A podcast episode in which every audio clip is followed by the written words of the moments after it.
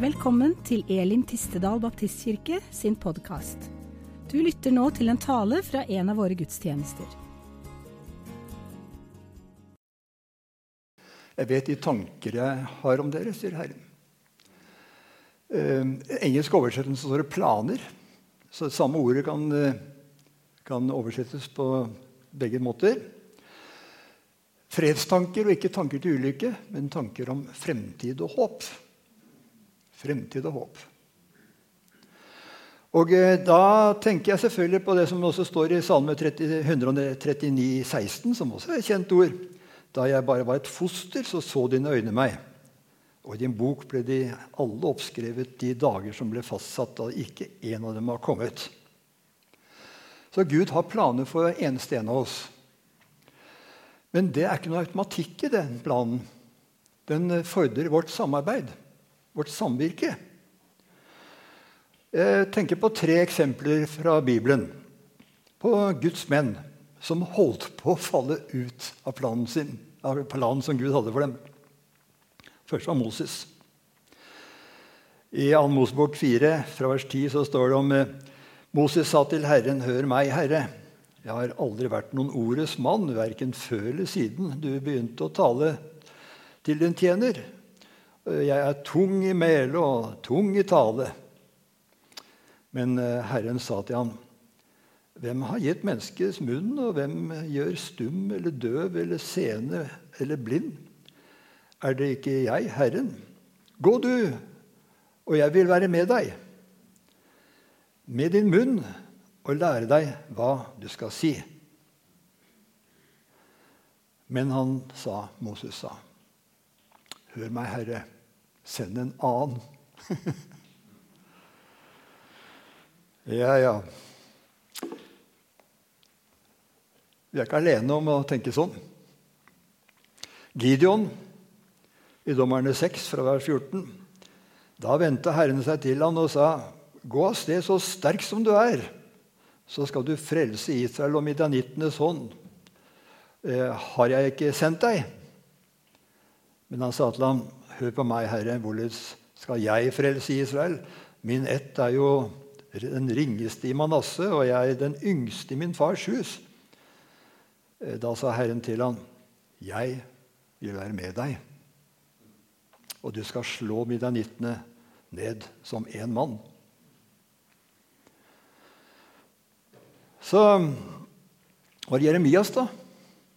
Han òg holdt på å slippe unna. Jeremias 1, fra vers 5. Før jeg dannet deg i mors liv, kjente jeg deg, sier Gud. Før du kom ut av mors skjød, helliget jeg deg. Jeg satte deg til en profet for folkene. Men jeg sa, Akk, Herre, Herre, se, jeg forstår ikke å tale, for jeg er for ung. Da sa Herren til meg, si ikke jeg er ung, men til alle dem jeg sender deg til, skal du gå, og alt det jeg byr deg, skal du tale. Frykt ikke for dem, for jeg er med deg og vil redde deg. Så er det et eksempel da, på en som aldri kom på banen. Veldig kjent person. Det står om han i Matteus 25, fra vers 24. Men også han som kom fram som hadde fått den ene talent, og sa, 'Herre, jeg visste at du er en hår mann, som høster hvor du ikke sår, og sanker hvor du ikke strødde.' Derfor ble jeg redd, og jeg gikk bort og gjemte ditt talent i jorden. Se, her har du ditt. Da svarte hans herre og sa til han, du dårlige og late tjener. Du visste at jeg høster hvor jeg ikke sådde, og sanker hvor jeg ikke strødde. Derfor burde du ta satt mine penger ut hos pengeveksleren, så hadde jeg fått mitt igjen med renter når jeg kom. Og så kommer denne tragiske setningen. Ta derfor talenten fra han og gi den til en annen som har de ti talentene. Der ønsker vi jo ikke være, da. De hadde et felles problem, disse. Alle sammen. De sammenlignet seg. De samlet seg med seg selv og sine egne muligheter. i forhold til kallet. Eller oppgaven eller tjenesten som de skulle inn i. Jeg er ikke bra nok til dette. Hvordan skal jeg klare dette? Med, så, så, de seg, sammenlignet seg tjenesten da, med sine egne muligheter. Og eh, deres problem det var deres vurdering av seg selv. At de ikke strakk til. Og Det er egentlig ikke noe problem, men det gjorde det til et problem. Jeg er ikke bra nok, liksom. Og, men så Det som ble gærent, det var konklusjonen deres. Og den ble jo da 'send en annen'. Men eh, deres konklusjon den var jo helt feil. da. De hadde helt rett i at de ikke skulle klare dette av seg selv. At de ikke hadde det i seg som de trengte. At det ikke var bra nok.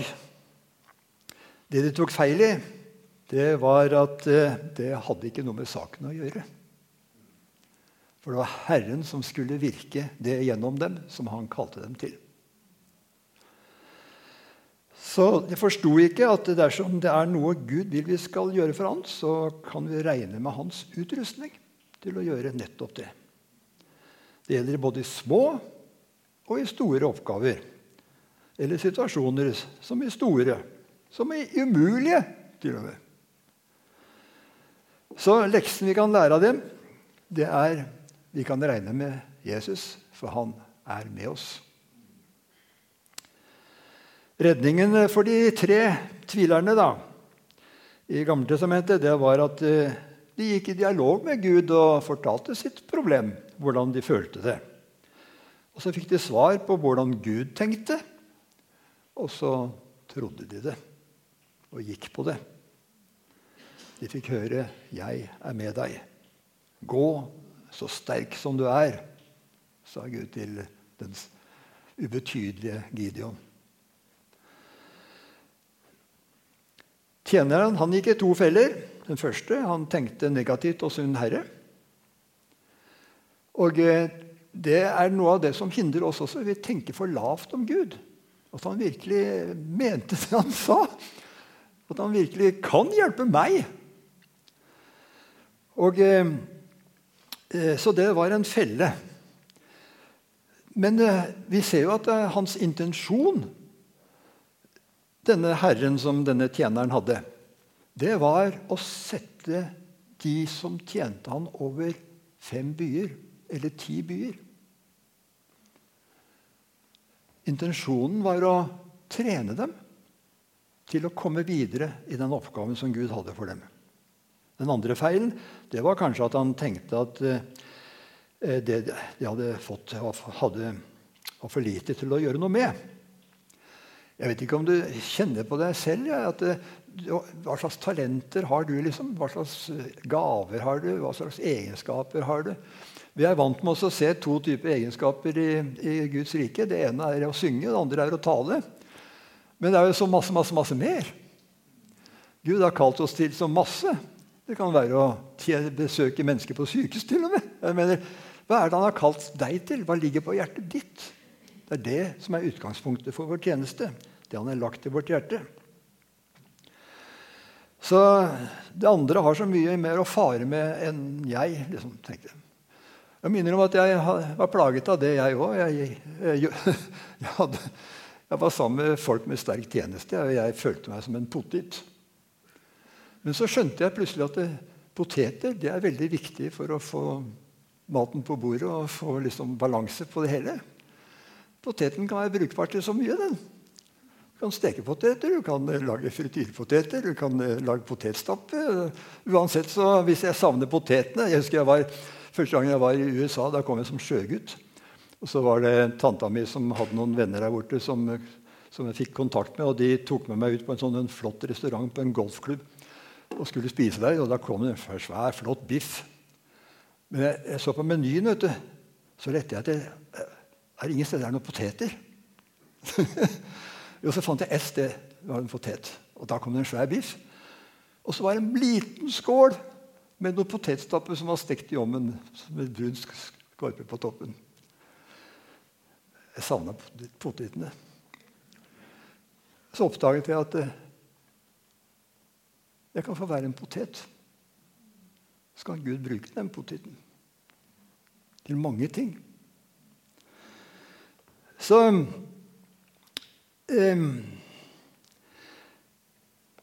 Vi glemmer hva som vi må tenke om Gud. Han har nemlig lagt ned oss alt vi trenger for å leve for Han og tjene Han sammen med seg selv. Det som kan se lite ut for oss, det er akkurat det Gud kan velsigne. Det står jo rett ut i 1. Korinterne kapittel 1 fra vers 26. Brødre, legg merke til det kall dere fikk. Ikke mange vise eller kjøde ble, etter kjødet ble kalt. Ikke mange mektige, ikke mange av høy ett. Men det dåraktige i verden, det utvalgte Gud seg. For å gjøre det viste til skamme. Og det som er svakt i verden, det utvalgte Gud seg for å gjøre det sterke til skamme. Det som er lavt i verden, og det som er foraktet, det utvalgte Gud seg. Det som ingenting er, for å gjøre til intet det som er noe. For at intet kjød skal rose seg for Herren, for det er Hans verk at dere er i Kristus Jesus. Han som for oss er blitt visdom fra Gud, rettferdighet og helliggjørelse og forløsning. For at, som skrevet står, den som roser seg, han roser seg av Herren. Så hvis du føler at du er for liten til å kunne bli brukt av Gud i det som han har lagt på ditt hjerte, eller prøver å legge på ditt hjerte, da har du et problem. Du tenker for høyt om deg selv. Her står det at den som ingenting er, den bruker han. Som kommer framfor han og sier, 'Gud, jeg er helt 100 avhengig av deg'. Paulus visste hva han snakket om, han. Vi kjenner jo disse ordene fra 1. Korinterne 12,8. Og han sa til meg, 'Min nåde er nok for deg.' For min kraft fullendes i skrøpelighet. Derfor vil jeg helst rose meg min skrøpelighet, for at Kristi kraft kan bo i meg. Derfor er jeg vel til mote i skrøpelighet, i mishandling, nød, i forfølgelse, trengsel for Kristers skyld. For når jeg er skrøpelig, da er jeg sterk. Amen. Hva var det som var liksom Paulus sin kvalifikasjon? Han har jo skrevet mesteparten av Nytestamentet. Altså ikke mesteparten, men den største delen. Uh, budskapet har nådd Vesten pga. Paulus. Vi er her pga. den tjenesten han hadde. Hva var det som var hans kvalifikasjon?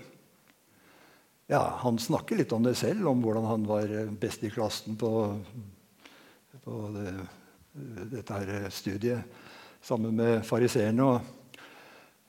Men eh, hans konklusjon er hva som var hans kvalifikasjon.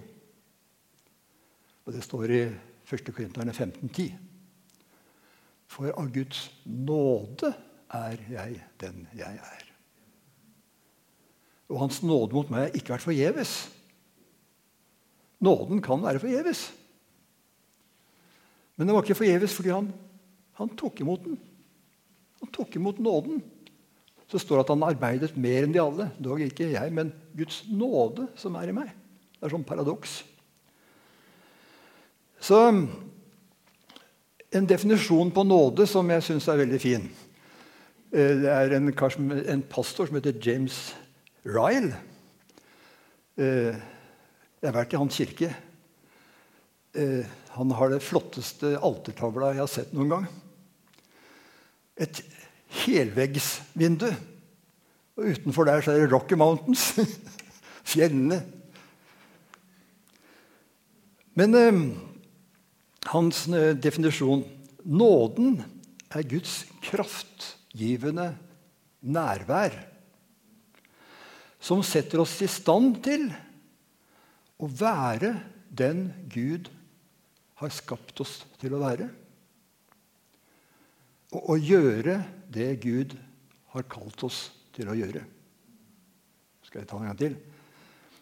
Nåden er Guds kraftgivende nærvær som setter oss i stand til å være den Gud har kalt oss til å være. Nei, skapt oss til å være. Og gjøre det Gud har kalt oss til å gjøre. Min nåde er nok for deg, sa Paulus.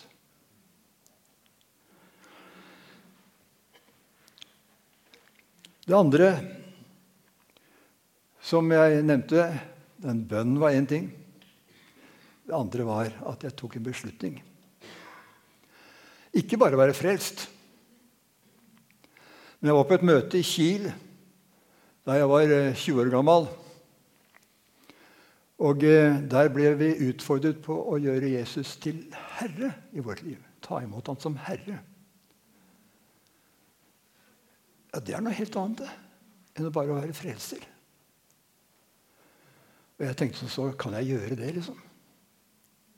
Hva vil han finne på da? Hvis jeg sier 'Jesus, du får sende meg dit du vil', eller gjøre det du vil med meg, hva kunne han finne på da? Det var to ting han var redd for. Det ene var at han skulle sende meg til Afrika. For jeg hadde ikke lyst til å dra til Afrika.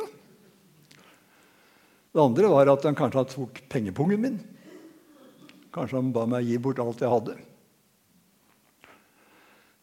Det siste gjorde han faktisk en gang. Og det levde jeg på i flere år. For han ga meg alt jeg trengte. Men eh, han sendte meg aldri til Afrika. Det hadde vært dumt av han å sende meg til Afrika. Og sende en som ikke har lyst til å være der. Da, han, eh, broder Andreas han døde jo faktisk nå for en ukes tid siden. Dere kjenner vel til broder Andreas, kanskje? Guds smugler, som han ble kalt. 94 år gammel døde han nå. Jeg husker han sa hvis Gud vil sende deg til Afrika, da vil han først legge Afrika på ditt hjerte. Ja, da vil jeg dra til Afrika! Hvis jeg har Afrika på mitt hjerte. Så Gud er ganske smart. Så Jeg holder på å skrive på en bok nå altså Ungdom i oppdrag er jo 50 år dette året. Vi startet, tok navnet i 1972. Men det var noe forut for 1972 som ble til Ungdom i oppdrag. Og eh, Sammen med Eivind Frøn så skriver jeg en bok om den tida som vi hadde der. Og så har jeg tenkt etter hva, hva, Hvor var det tjenesten startet? Altså Én ting er eh, at vi ble jo frelst, og alt det der, men, men hvor begynte akkurat tjenesten? Ja, for meg så var det i Kiel. Da jeg sa til Jesus du skal være herre i mitt liv. For jeg tok sjansen, for det står nemlig i Romerne 12, 2. Skikk dere ikke til like denne verden, men bli forvandlet ved fornyelsen av deres sinn, så dere kan få kjenne Guds vilje, som er god, velbehagelig og fullkommen. Kan det bli bedre? Og det stolte jeg på. Så da sa jeg ålreit, Gud. Samme hvor du sender meg, eller hva du ber meg om, så vet jeg at det er godt, det er behagelig og fullkomment. Fra da forandret livet sitt og mitt seg. En ny retning i livet. Det var ikke liksom bare å være en kristen. Nå lyttet jeg etter Herrens stemme. Hvor går veien videre? Så det var ikke noe spesielt med Eivind og meg som fikk starte opp det som ble Ungdom i oppdrag. Annet enn at vi hadde sagt til Jesus du skal være herre i vårt liv. Og så var vi Efeseren 1, 17-19. det var det vi hadde å stille opp med. Så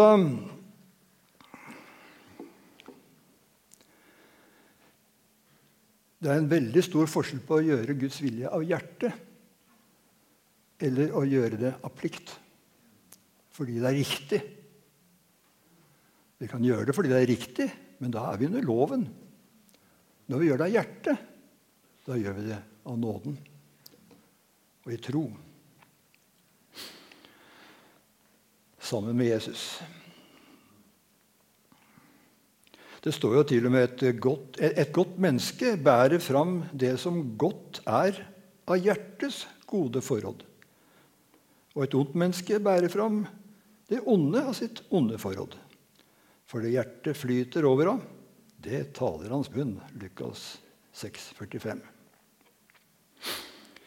Det står i Romerne 12,11.: Vær ikke lunkne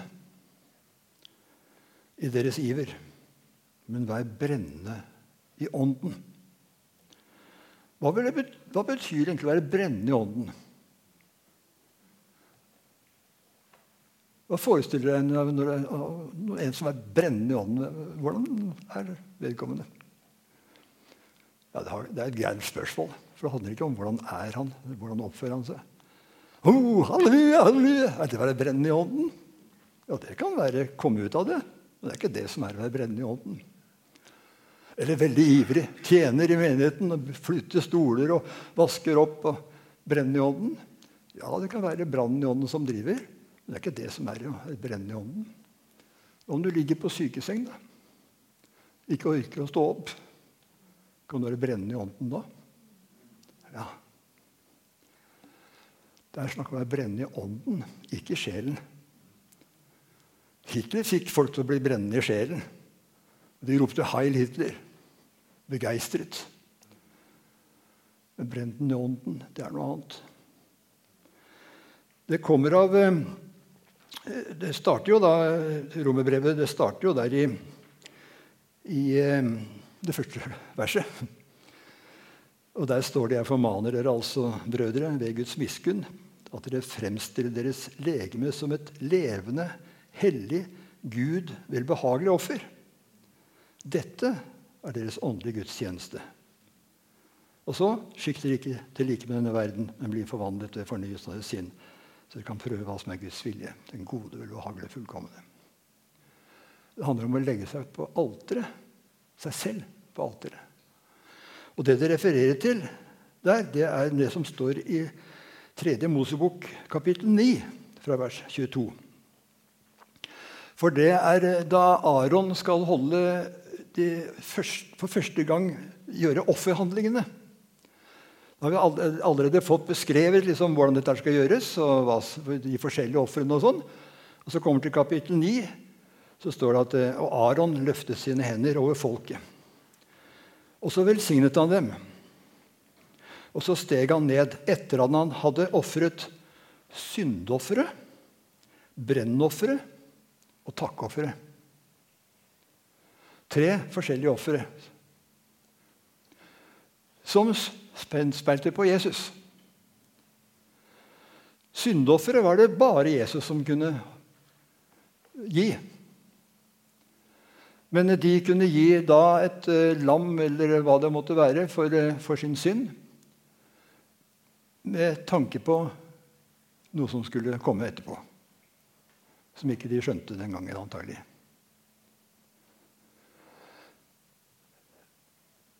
Det, for at vi skal få del av det offeret, så må vi være med Jesus på korset.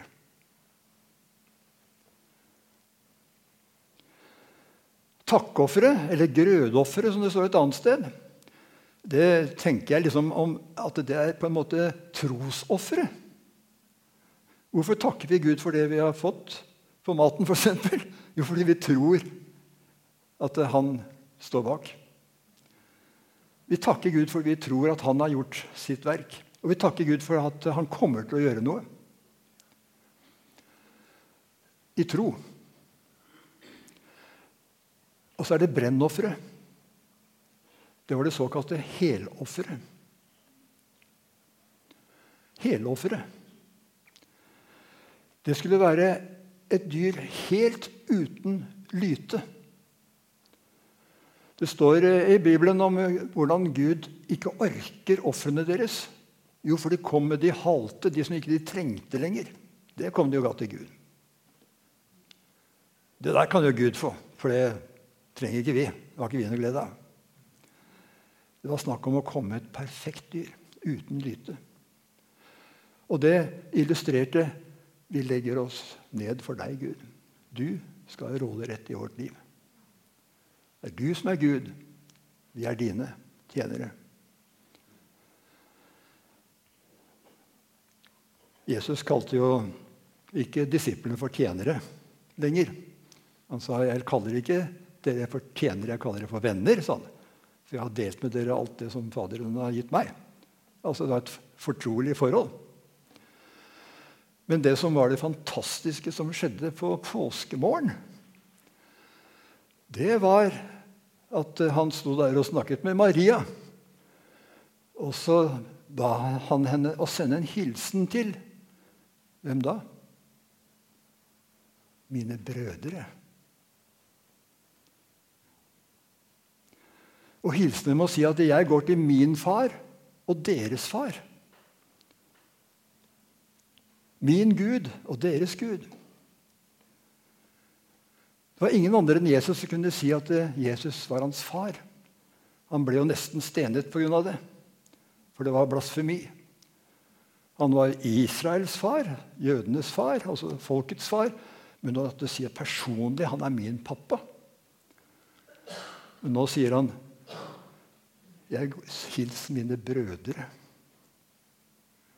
og si at jeg går til min pappa og deres pappa. Plutselig så var de ikke lenger venner, bare. De var Guds barn. Det åpner opp for noe, det samme som Jesus hadde. Jeg husker jeg, hvordan jeg eh, var i tjeneste for fulltid og, på, og var baseleder på Grimerud og var sjelesørger. Jeg var veileder, jeg underviste. Når folk kom på, på, på Grimerud, så spurte de nesten alltid etter meg. Og, eh, og, eh, hvem var Øyvind? Jo, det var han som holdt på sånn. Men så merket jeg at liksom, alt ble borte. Det kom i sånn tåke. Og eh, jeg lurte på om det var synd i mitt liv.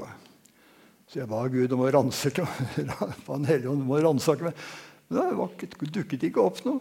Alt var gjort opp. Og eh, til slutt så bare kom jeg til å tenke på at eh, vel, kanskje det er over. At min tid er over i full tid. Gikk jeg ned i skogen nedenfor Grimrud, og så sa jeg til eh, Gud Kjære Gud, nå gir jeg fra meg tjenesten igjen. Gir tilbake tjenesten. Og så begynte jeg å grine som en unge. Jeg lykkegråt. Sånn voldsom reaksjon. Så tenkte jeg hva er for noe gærent? Hvorfor reagerte jeg så sterkt? tenkte jeg. Jo, jeg ga ikke fra meg tjenesten min. Jeg ga fra meg min identitet. Jeg hadde min identitet i tjeneste. Det som jeg gjorde.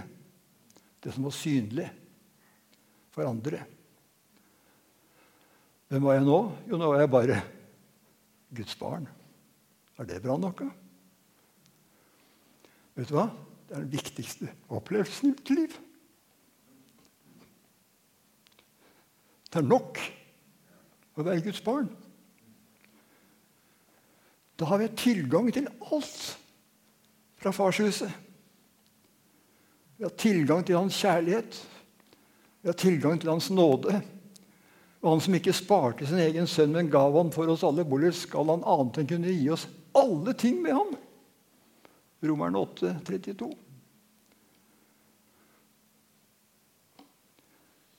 Vi er alle sammen utrustet til å være tjeneste for Herren. Så står det videre her, da. Deretter gikk Moses og Aron inn i sammenkomstens telt. De kom inn for Guds åsyn også. Og da de kom ut igjen, så velsignet de folket. Da åpenbarte Herrens herlighet seg for hele folket. Og det gikk ild ut fra Herrens åsyn og fortærte brennofferet. Overgivelsesoffer, altså. Ilden traff overgivelsesofferet, ikke syndeofferet eller takkeofferet, men overgivelsesofferet. Og alt ble brent opp. Det ble en brann i ånden. Det er der det starter.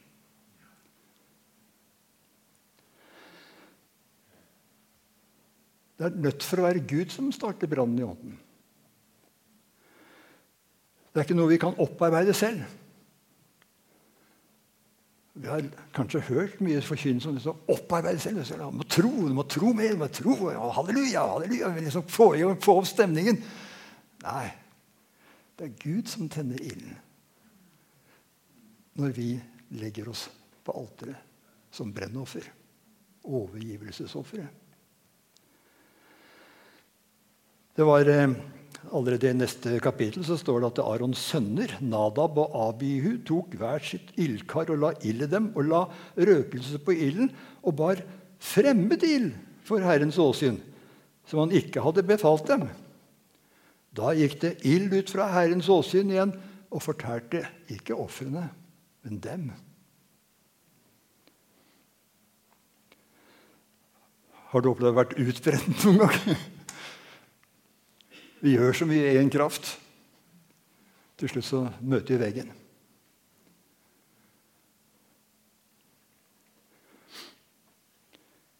Så står det videre da at ilden skal holdes brennende på alteret. Den må ikke slukne. Hver morgen skal presten legge ny ved på ilden og legge brennofferet til rette på den og brenne takkoffer og fettstykkene på den. En stadig ild skal holdes tent på alteret. Den må ikke slukne. Så det handler om vårt daglige møte med Herren. Begynne dagen. Hva har du å si meg i dag, Herre? Hvis du har det spørsmålet når du åpner Bibelen, så blir det mye mer interessant. skal jeg si det. For da er du på let etter er det noe Gud vil si meg i dag. Er det noe Gud vil be meg om i dag? Og eh, at vi kan prise Han og be til Han. og men eh, eh, du vet, Vi er kalt til å være lys. Jeg tok med en sånn en lykt. Jeg vet ikke om jeg har vist den her før. Har jeg det? Nei. Den skal liksom illustrere litt av dette med å legge seg på alteret. da. For eh, også skal vi være Vi er alle sammen Jesus sa at 'dere er verdens lys', sier han. Og Hvis vi er kristne, så er vi altså lys. Og dette her skal da representere en kristen. Men det er ikke noe lys. Hvordan skal det tennes? Det har vi allerede snakket en del om nå. Så vi må tenne for at den skal lyse. Det lyste ikke. Hva kommer det av, tro? Er det noen som har noen forslag? Ikke batteri? Ja og nei. Inni her så er det to batterier. Når vi har tatt imot Jesus, så har vi en hellige ånd. har vi ikke det? Men det mangler ett. Vi trenger å være full av Den hellige ånd. Men jeg har et i lomma, da. Til uh, å fylle opp med. så da må vi åpne opp, da. Åpne oss for Den hellige ånd. Og så må vi fylle inn i batteriet her. Oi, her var det ikke plass, gitt. Det lå noe her. Lapp.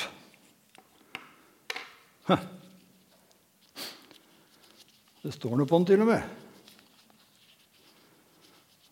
Løgn. Sladder. Tyveri.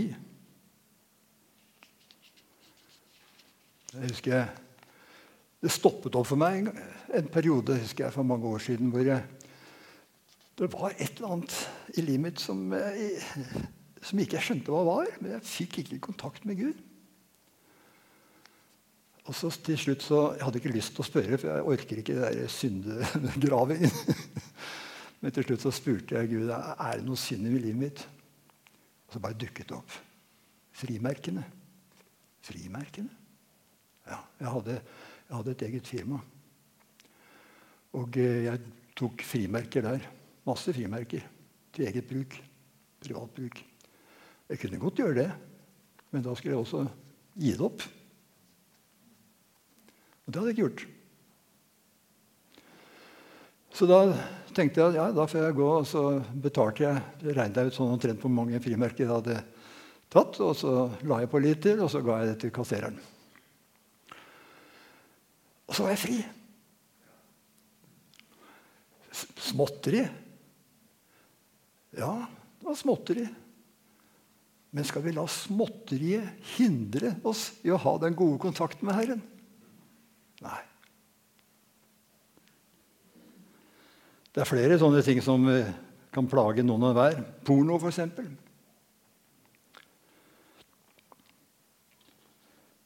Og eh, småsynder av forskjellig slag. Jeg skal ikke ramse opp alt mulig rart, men det er én synd som er viktig å ta for seg, og det er Judas-synden. Judas hjerte. Hva var det for noe med Judas? Vi har da ikke forrådt Jesus. Nei, men eh, Judas forrådte Jesus av en grunn. Det står at eh, Satan for inn i hans hjerte. Og så gikk han ut og hentet, folk, hentet uh, den der soldatgjengen. Før, han hadde ikke noe valg lenger. Høres ut som, i hvert fall. Tidligere så står det at uh, det var litt enklere. da. For der står det bare at djevelen hadde ennå ikke lagt inn i hans hjerte å forråde Jesus. Det står i Johannes 10, så vidt jeg husker, 11 eller 10. Men allikevel så er det jo sterkt. Han liksom var åpen for djevelens impulser. Hva var årsaken? Jo, det står om Maria som ville salve Jesus for hans gravferd med kostelig nardesalve. Og Judas sa at det er spill av, spill av verdi. Vi kunne solgt den der salven og gitt pengene til fattige. Og så står det det sa han ikke for at de fattige lå han på hjertet. Men han var en tyv og stjal av pungen. Hva er Judas hjerte? Et uoppgjort synd. Synd som jeg går og bærer på og varer og ikke vil fortelle til verken Gud eller mennesker. Det er min hemmelighet. Uoppgjort synd åpner opp for djevelens stemme og ledelse. Så vi er nødt for å legge det på alteret. Syndofferet.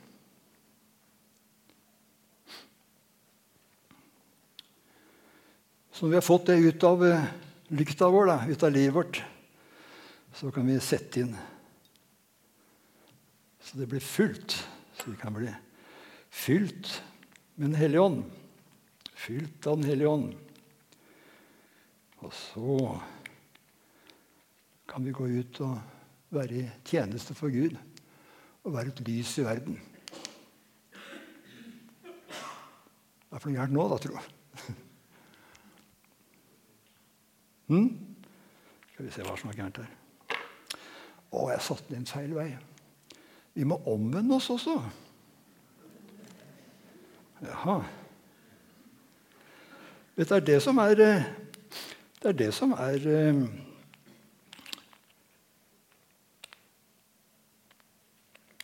Springbrettet til å komme videre inn i Guds rike med vårt liv og tjene Herren, det er å overgi oss til Jesus som Herre. Han var herre i livet mitt. Det er han som har frelst meg, og han bestemmer jo. Og han har bare gode planer og tanker. Hans vilje er god, behagelig og fullkommen. Og vi kan stole på han, for han er med oss i alt det han ber oss om. Slik at de kan være lys i verden. Og nå ser jeg dere reaksjoner i salen her. Alle som ble truffet av den lysstrålen, reagerer. Og sånn var det egentlig vi skulle leve. Og da kan vi vise hvor det kommer fra. Alt sammen. For han er med oss hver dag. Og jeg takker deg, far. Jeg vil før jeg fortsetter å be, bare gi deg et minutt og tenke gjennom om det er noe som du trenger å legge på alteret. En eller annen synd som eh, plager deg. Og rett og slett hele deg selv. Her er jeg, Jesus. Send meg.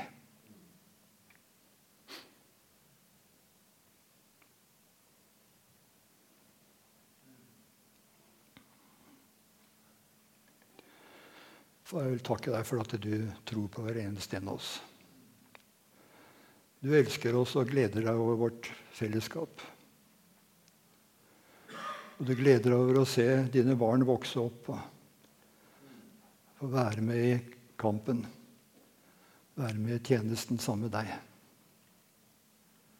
Du gleder over å vandre sammen med oss, Herre.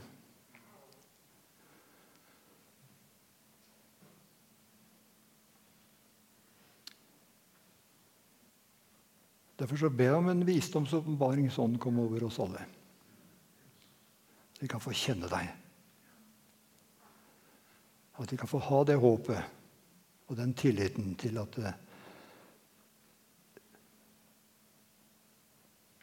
din kraft er helt utenfor vår forstand. Og den er tilgjengelig for oss når vi går på dine veier.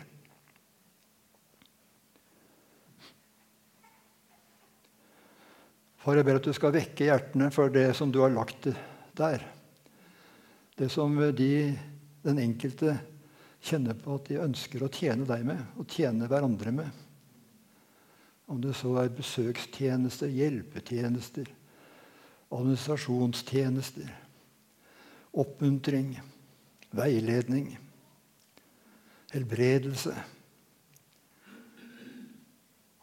undervisning Herre, du har lagt det der.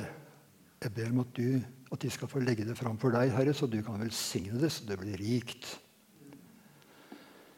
Så som eh, Aron gjorde, han eh, stilte seg foran menigheten, og så velsignet han dem da de hadde lagt alt på alteret. Så Herren velsigne deg med evne til å kjenne Jesus' stemme. Til å se mennesker gjennom hans øyne. Herren velsigne deg og bevare deg. Herren la sitt ansikt lyse over deg, så dere kan ha nært og godt og oppbyggelig og herlig fellesskap. Herren løfte sitt åsyn på deg, gi deg fred. Fri for all urettferdighet. I Jesu navn. Amen.